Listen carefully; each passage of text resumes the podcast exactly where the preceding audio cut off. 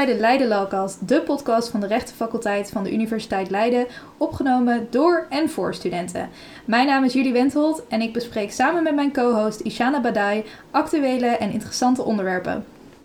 Vandaag hebben wij te gast Annemarie Schreurs, de loopbaanadviseur bij onze rechtenfaculteit, uh, waarmee we het gaan hebben over onder andere studentenwelzijn, uh, solliciteren en de arbeidsmarkt voor rechtenstudenten.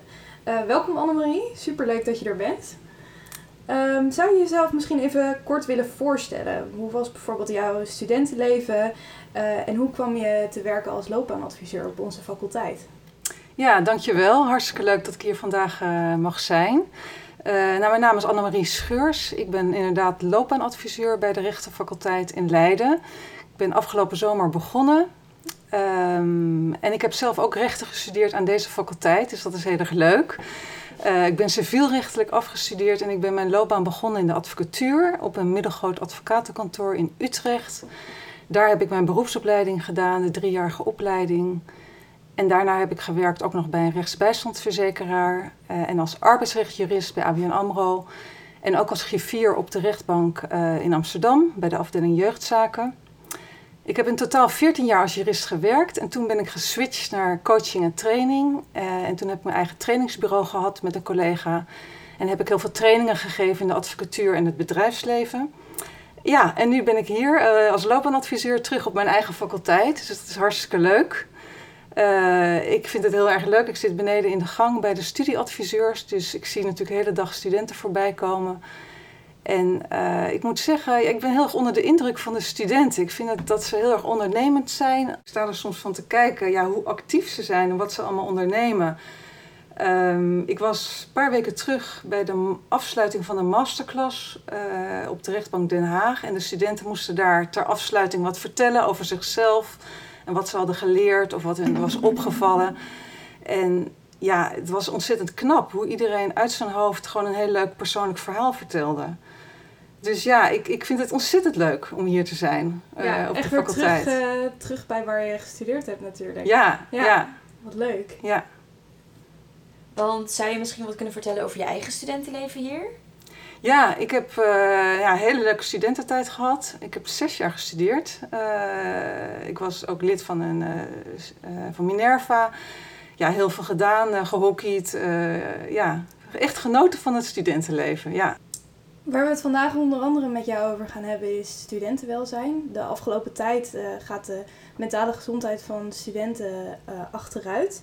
Uh, komt met name door, door stress, maar ook prestatiedruk. Um, en wat je vaak ziet bij studenten is dat ze bijvoorbeeld keuzestress hebben bij het kiezen van een baan. Maar veel studenten voelen bijvoorbeeld ook een grote druk om te presteren om een goede baan te krijgen. Hoe help jij als loopbaanadviseur studenten hierbij? Wat kunnen studenten doen om uh, deze stress misschien te voorkomen? Nou ja, het klopt wat jij zegt. Hè. Je leest het natuurlijk ook in de kranten en overal hoor je het. Er is veel stress onder studenten en onder jongeren.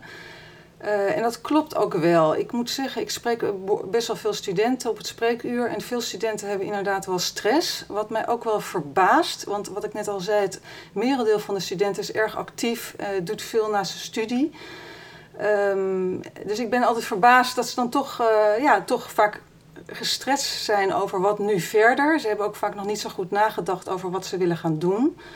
Wat natuurlijk helemaal niet erg is. Uh, en ik krijg bijvoorbeeld vaak de vraag van zal ik een tweede master doen? Uh, en dan zeg ik altijd van ja, het is prima, hartstikke leuk om te doen, maar doe het dan vooral omdat je het zelf leuk vindt. Uh, want werkgevers die kijken daar niet naar. Een werkgever vindt het belangrijk dat je een master hebt voltooid. Maar die kijkt bijvoorbeeld veel meer ook naar jou als persoon. Uh, en ook naar je motivatie, of je echt enthousiast bent voor de functie. Uh, dus ik probeer studenten wel gerust te stellen. Um, en ja, ik zeg eigenlijk altijd tegen studenten: kies met je hart. Hè? Ga doen wat je leuk vindt en probeer ja, jezelf te ontplooien. Eh, ik denk dat dat het belangrijkste is. En het is goed ook om actief te zijn, om veel dingen te doen. Maar doe vooral wat je leuk vindt. Uh, het enige wat ik wel echt altijd adviseer is om stage te lopen. Ik denk dat als je stage loopt, dat je ook later bij een sollicitatie dan wel een streepje voor hebt. Uh, omdat je dan kan aantonen hè, dat je de praktijk hebt meegemaakt. Dat je weet ook hoe het recht in de praktijk werkt.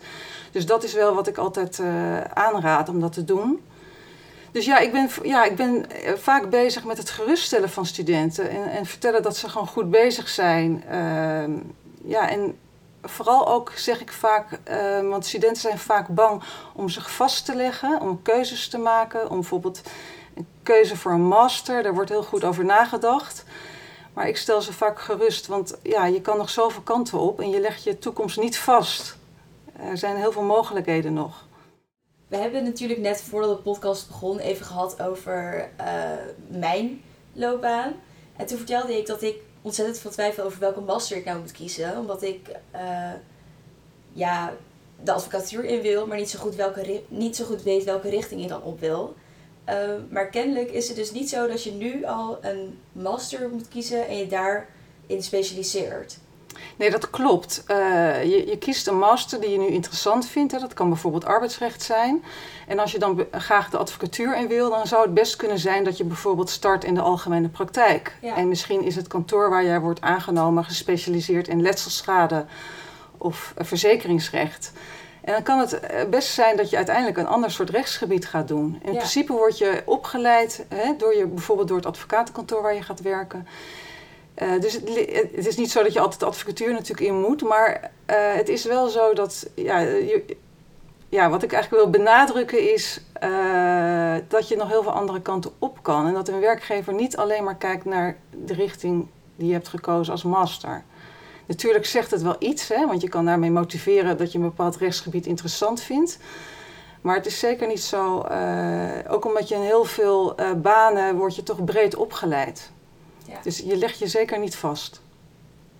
Okay. Ja, dus eigenlijk het gevoel onder studenten dat de keuze ja, bijna een beetje definitief is, zorgt een beetje voor de stress die zij ervaren. Terwijl het hoeft eigenlijk nog niet definitief te zijn. Je hebt eigenlijk nog heel veel verschillende opties. Dat klopt, ja. ja. Um, een van de dingen waar afgestudeerde studenten denk ik ook vrij nerveus uh, over zijn. Uh, ja, ik, uh, ik ook zeker. is het sollicitatiegesprek. Want als je dan uiteindelijk een een baan hebt gekozen die je leuk lijkt. Ja, hoe, pak je, hoe pak je dit aan? Hier, hoe kun je hier het beste op voorbereiden? Ja, dat is inderdaad ook iets waar veel studenten stress over hebben. Uh, het belangrijkste wat ik altijd zeg is: zorg in ieder geval dat je je voorbereidt. Hè, kijk, het, is natuurlijk heel lastig, want je weet niet goed wat je kan verwachten aan vragen.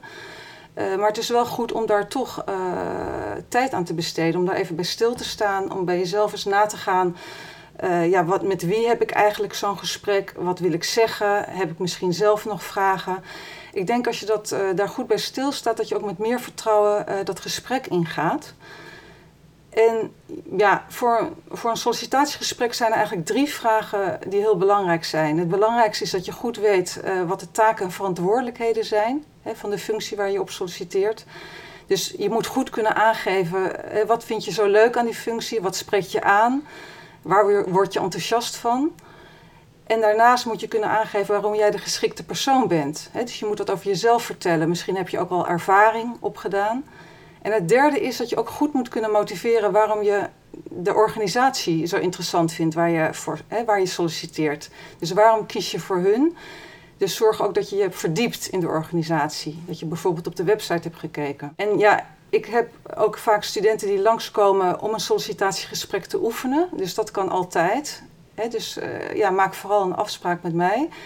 En dan kunnen we dat oefenen. Um, en verder worden er ook workshops gegeven over het sollicitatiegesprek. Dus dat is ook altijd goed om, uh, om naartoe te gaan.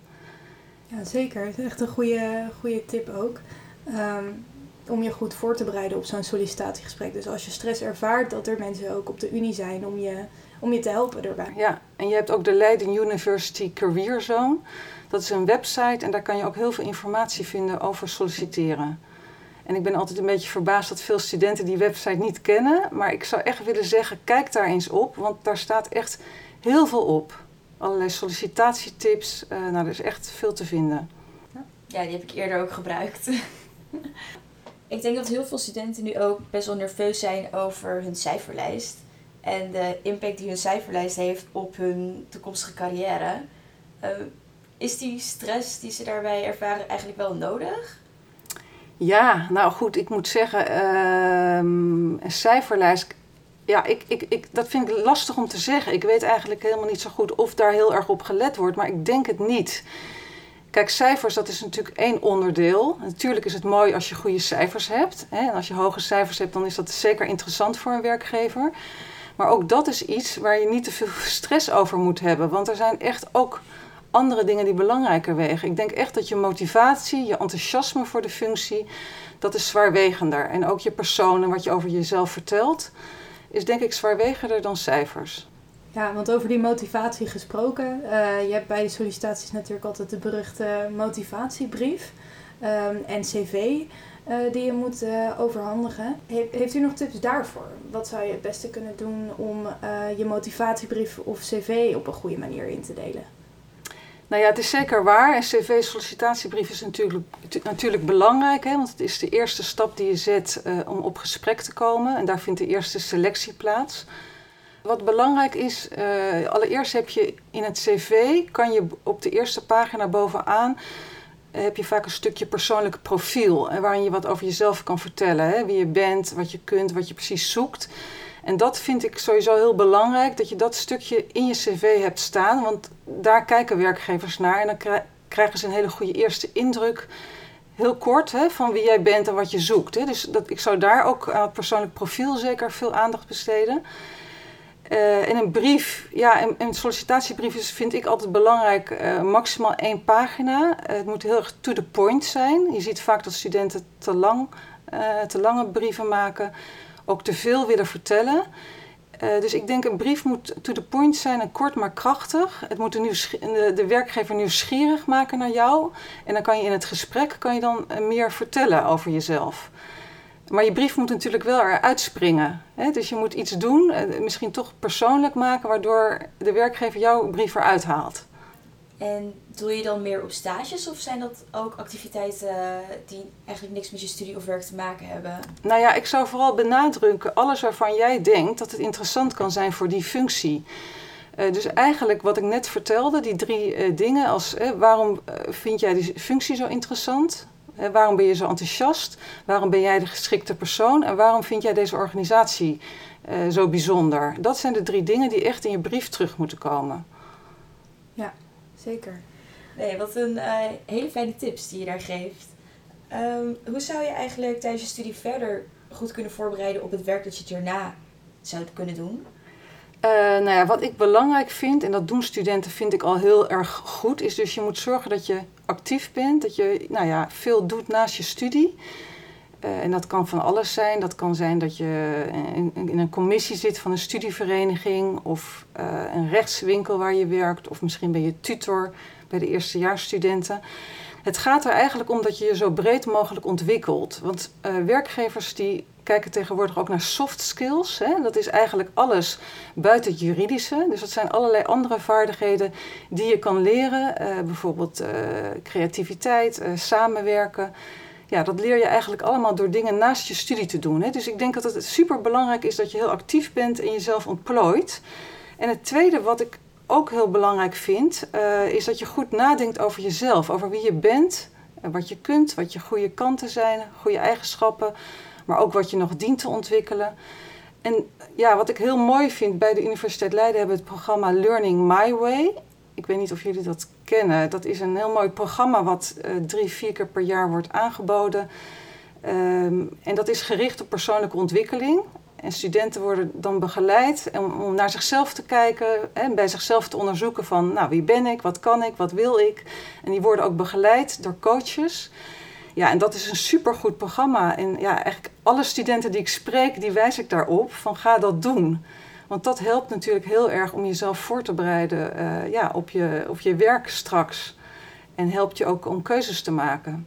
Ja, ik heb het inderdaad gedaan uh, in mijn eerste jaar toen. Ik vond dat ook echt een uh, heel erg gaaf programma. En je leert gewoon echt, we waren onder andere ook mindmaps aan het maken. En je leert gewoon heel erg omgaan dus met die keuzestress. Want dat was iets waar, waar ik uh, wel last ook van had. Dat ik dacht van ja, er zijn zoveel opties om eigenlijk naast je studie te doen. Wat ga ik kiezen. Ja. Uh, en ik vond dat programma echt wel een goede manier om erachter te komen van ja, wat past eigenlijk bij mij. Ja. En ik ben toen ook, uh, nou ja, ik ben bijvoorbeeld binnenhuisarchitectuur gaan doen daarnaast uh, als Ja, dat vertelde je. Ja. ja. een hele andere keuze dan ik eerst had gedacht. maar juist wel leuk dat je een balans hebt tussen rechten enerzijds en wat creatiefs anderzijds. Ja. Uh, want het hoeft toch niet zo te zijn dat nevenactiviteiten allemaal met het recht uh, te maken Zeker niet, zeker niet. Ik sprak laatst een student uh, en die, die wilde eigenlijk journalist worden. Was ook heel erg bezig met schrijven. deed echt van alles, ook op dat gebied. En dat was een superleuk gesprek. En dat, dat, ja, ik heb hem wel geadviseerd, maak je studie af. Maar ik heb natuurlijk verteld dat, er, dat hij altijd die kant nog op kan. Hè. Er zijn genoeg juristen die hele aparte wegen inslaan... of die inderdaad de journalistiek ingaan. Dus dat, uh, dat is zeker goed. Juist misschien wel om dingen buiten het juridische te doen. Want ja. dat onderscheidt je ook weer van anderen. Hè. Dat maakt ook dat jij de persoon bent nou, die je bent, zeg maar. En daarmee kan je waarschijnlijk ook je persoonlijkheid uh, in dan zo'n cv of motivatiebrief ja. naar voren laten komen. Ja. Waar ik eigenlijk ook naar benieuwd ben, is wat de beroepsmogelijkheden voor rechtsstudenten eigenlijk zijn. Want ik vertelde net al dat ze ook de journalistiek of heel andere wegen in kunnen dan uh, waar ze tijdens de opleiding op focussen. Ja, dat, dat klopt. Kijk, recht is een hele brede studie. Uh, waar je eigenlijk heel veel kanten mee op kan. Uh, kijk maar om je heen als je in de maatschappij kijkt. Overal waar je kijkt, daar, zitten juristen. Juristen worden overal gevraagd. Dus dat vind ik heel erg mooi van deze, van deze opleiding. Uh, het is natuurlijk zo dat de meeste juristen denken meteen aan de toga-beroepen. Advocaat, rechter, officier van justitie. Maar het is wel zo dat daar maar een deel van de studenten terechtkomt. Heel veel studenten komen op andere plekken terecht in de maatschappij. En dat is eigenlijk helemaal niet zo bekend. Tenminste, er wordt altijd gesproken over de advocatuur. Uh, maar juristen zitten bijvoorbeeld ook uh, bij de overheid, bij gemeenten, bij de provincie, uh, rechtsbijstandsverzekeraars of in de sociale advocatuur, bedrijfsleven. Dus op alle plekken eigenlijk ja, kan je terechtkomen. En je ziet ook dat je kan ook doorgroeien. Je ziet vaak hè, dat mensen bijvoorbeeld beginnen in het bedrijfsleven, maar na drie of vier jaar de overstap maken naar de overheid of andersom. Hè, er zijn ongelooflijk veel uh, manieren eigenlijk om je weg te vinden. En er zijn ook nog heel veel juristen die uiteindelijk in niet-juridische beroepen aan de slag gaan. Hè, dus bijvoorbeeld in de HR of in de recruitment. Ook in generieke functies zie je ook vaak veel juristen. Ja, want er zijn dus verschillende uh, ja, beroepsmogelijkheden na het recht. Wat, wat zijn een beetje de tendensen op de uh, arbeidsmarkt op dit moment? Nou, een tendens wat je nu eigenlijk in alle juridische beroepen ziet, is dat er steeds meer behoefte is aan uh, interdisciplinair werken. Dus als jurist is het heel belangrijk uh, dat je kunt samenwerken met mensen uit andere disciplines, die andere belangen hebben, een andere achtergrond hebben. Dus dat wordt eigenlijk ja, bijna overal steeds meer gevraagd. En er is ook een tendens, uh, ja, je bent jurist, maar er wordt eigenlijk verwacht dat je meer bent dan de jurist. Dat je ja, ook meedenkt en dat je soms ja, naar een praktische oplossing toewerkt en niet altijd naar een juridische. Um, ja, dat is, dat, dat is ook iets wat je heel erg terugziet. En hoe kunnen studenten uh, misschien daaraan werken, dat ze die kwaliteiten iets meer uh, ontwikkelen?